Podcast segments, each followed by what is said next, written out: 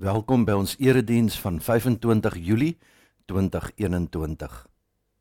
Here, U sien dwars deur my. U ken my. Of ek sit en of ek opstaan, U weet dit. U ken my gedagtes nog voordat hulle by my opkom. Of ek reis en of ek oorbly, U bepaal dit. U is met al my paaie goed bekend. U omsluit my van alle kante. U neem my in besit en die wete oorweldig my. Dis te hoog vir my begrip. Amen aan almal wat God vir hom in Christus Jesus afgesonder en geroep het om aan hom te behoort. Genade en vrede vir julle van God ons Vader en die Here Jesus Christus. Kom ons bid saam. Gees van die lewende God, wees die tuinier van my siel. Hark weg die dooie blare van die verlede. Vergrys die harde kluite van my weerbarstige gewoontes. Werk diep in my in die ryk kompos van nuwe visie en vreugde. Plant diep in my siel u lewegewende woord.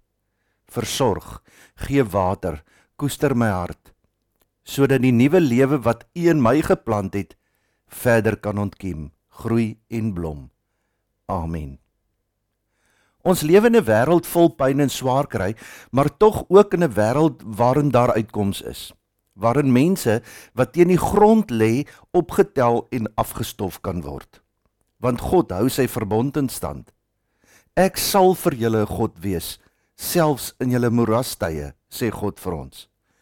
Psalm 139 van vers 1 af sê: Here, U sien dwars deur my. U ken my. Of ek sit en of ek opstaan, U weet dit. U ken my gedagtes nog voordat hulle by my opkom. Of ek reis en of ek oorbly, U bepaal dit.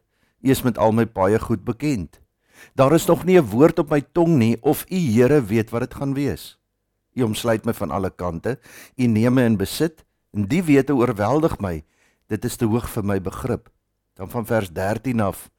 U het my gevorm, my aan mekaar gewewe in die skoot van my moeder. Ek wil U loof want U het my op 'n wonderbaarlike wyse geskep. Wat U gedoen het, vervul my met verwondering. Dit weet ek seker. Geen been van my was vir u verborge toe ek gevorm is waar niemand dit kon sien nie, toe ek in mekaar gewewe is diep in die moederskoot. U het my al gesien toe ek nog ongebore was. Al my lewensdae was in die boek opgeskrywe nog voordat ek gebore is. Hoe wonderlik is u gedagtes vir my o God, hoe magtig hulle almal. As ek hulle sou wil opnoem, hulle is meer as wat daar sand is. En as ek daarmee klaar is, sou ek nog steeds met u te doen hê. Psalm 139 vers 5 sê: U omsluit my van alle kante. En hierdie woorde, hierdie belydenis behoort elkeen van ons se belydenis elke dag van ons lewens te wees. Ten spyte van alles wat rondom ons en met ons gebeur, U omsluit my van alle kante. sien Psalm 139 laat ons onthou dat ons verhouding met die almagtige God juis dit is, 'n verhouding.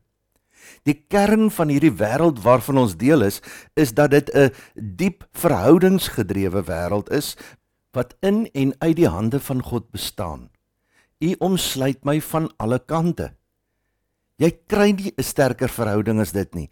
Elke ding het agt kante: bo, onder, voor, agter, links, regs, buite en binne. En God omsluit my van alle kante. Bo, onder, voor, agter, links, regs, binne en buite. Jy kry nie 'n sterker verhouding as dit nie. Die diepste karaktertrek van hierdie wêreld is nie dat dit deur natuurwette of fisiese kragte in balans gehou word nie. Die diepste karaktertrek daarvan is nie dat voorspelbare reëls dit soos gladde klokwerk laat tik nie. Die diepste karaktertrek van ons wêreld is dat dit God se wêreld is. In God se hande, geken deur God, gebou deur God, voortdurend geskep deur 'n lewende Here wat daarvoor sorg en dit wonderbaarlik in stand hou. Psalm 139 se boodskap is presies dit. Die wêreld leef ten nouste in verhouding met God. Die wêreld bestaan in nouste verhouding teenoor God. Die Psalm is 'n gebed waarin bely word dat die Here ons ken. Die Here ken ons gedagtes. Hy skenk die lewe en krag wat ons laat reis en oorbly. God omsluit ons van alle kante. Hy neem ons in besit. Hy hou ons vas en die wete oorweldig ons. Dit is te hoog vir ons begrip. Die diep wyse waarop God sy mense en sy skepping ken, is gebore uit die feit dat God die oorsprong van die skepping is. Die psalmdigter loof God omdat God hom geskep het, aan mekaar gewewe het. God is die oorsprong van jou bestaan. Geen been van my was vir u verborge toe ek gevorm is waar niemand dit kon sien nie, toe ek aan mekaar gewewe is diep in die moederskoot. Die diepste grond van ons bestaan is dis die feit dat ons deur God geken word en dat ons in 'n verhouding tot God kan staan. God skep ons as te ware van oomblik tot oomblik vanuit hierdie verhouding. God hou ons in stand, bewaak ons, versorg ons. Dit gaan in hierdie lewe nie oor reëls en regulasies nie, maar oor verhoudings. God se verhouding met ons, ons verhouding met God, ons verhouding met onsself en in die lig hiervan ons verhoudings met mekaar en ook in die lig daarvan dat God ook die mense rondom my van alle kante omsluit. Die diepste lewensbeginsel van hierdie wêreld is nie wette nie, maar die feit dat ons in God se hande ingebed lê. Vanuit hierdie verwondering oor God se diep ken van die mens en God se versorging, reageer die psalmdigter in gebed teenoor God. Die digter spreek sy diepe verwondering oor God uit, oor God se volledige kennis van die mens, oor God se alomteenwoordigheid, oor God se betrokkenheid in ons lewens, oor God se leiding in ons lewens. Verwondering is die gepaste reaksie op wie God is. En vanuit hierdie verwondering is dit vir die psalmdigter onmoontlik om selfs te bedink dat daar mense kan wees wat teen God in opstand kan kom en sonder hom probeer lewe.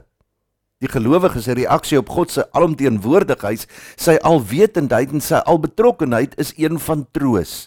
Hierdie God wat ons ken, is 'n God by wie ons veilig is in alle omstandighede. My lewensdae is in die boek opgeskrywe nog voordat ek gebore is. Ek is veilig by hom. Geen situasie, geen omstandighede, geen COVID-19, geen opstande en chaos kan ons van God skei nie. Ons bly in sy hande. Daar is egter ook mense vir wie God se alkennis uiters bedreigend is. Mense wat nie vir God wil leef nie, kan dit nie met so God uithou nie. Die mens kan dit nie uitstaan dat daar 'n hemelse getuie is van alles wat jy is en alles wat jy doen, sê en dink nie. Die behoefte om van 'n alwetende God ontslae te raak, word algemeen in die moderne lewensgevoel verwoord.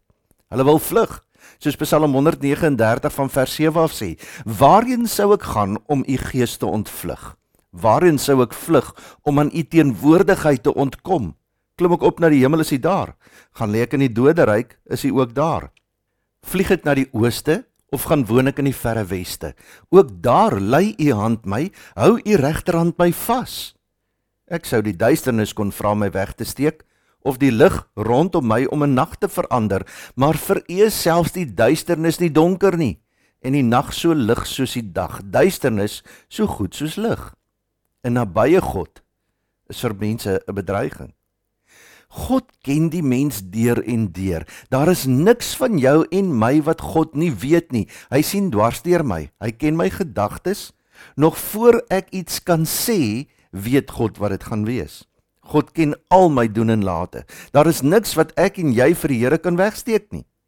Die moderne mens van vandag hou nie baie daarvan dat mense te veel van hulle weet nie dat mense my te goed leer ken nie, want ons is bang dat hulle dinge in ons sal ontdek wat nie so mooi en goed is nie. Ons het meesters geword om dinge vir mekaar weg te steek. Ons het meesters geword om 'n ander realiteit van onsself vir mense voor te hou. Kyk maar net op mense se sosiale media. Daardie Facebook en ander blaaie is dit wat ons aan mense voorhou. Dit is in baie gevalle 'n voorgee van wie ek is. Mense probeer selfs om dinge in hulle lewens vir God weg te steek of om iets anders vir God voor te hou. Waar dit gaan oor my lewe en my eie begeertes, daar probeer ek dinge van God weerhou in die hoop dat hy dit nie sal raak sien nie. Maar God weet alreeds. Hy ken selfs my gedagtes. Psalm 139 sê dat God my geken het selfs nog voor ek gebore is.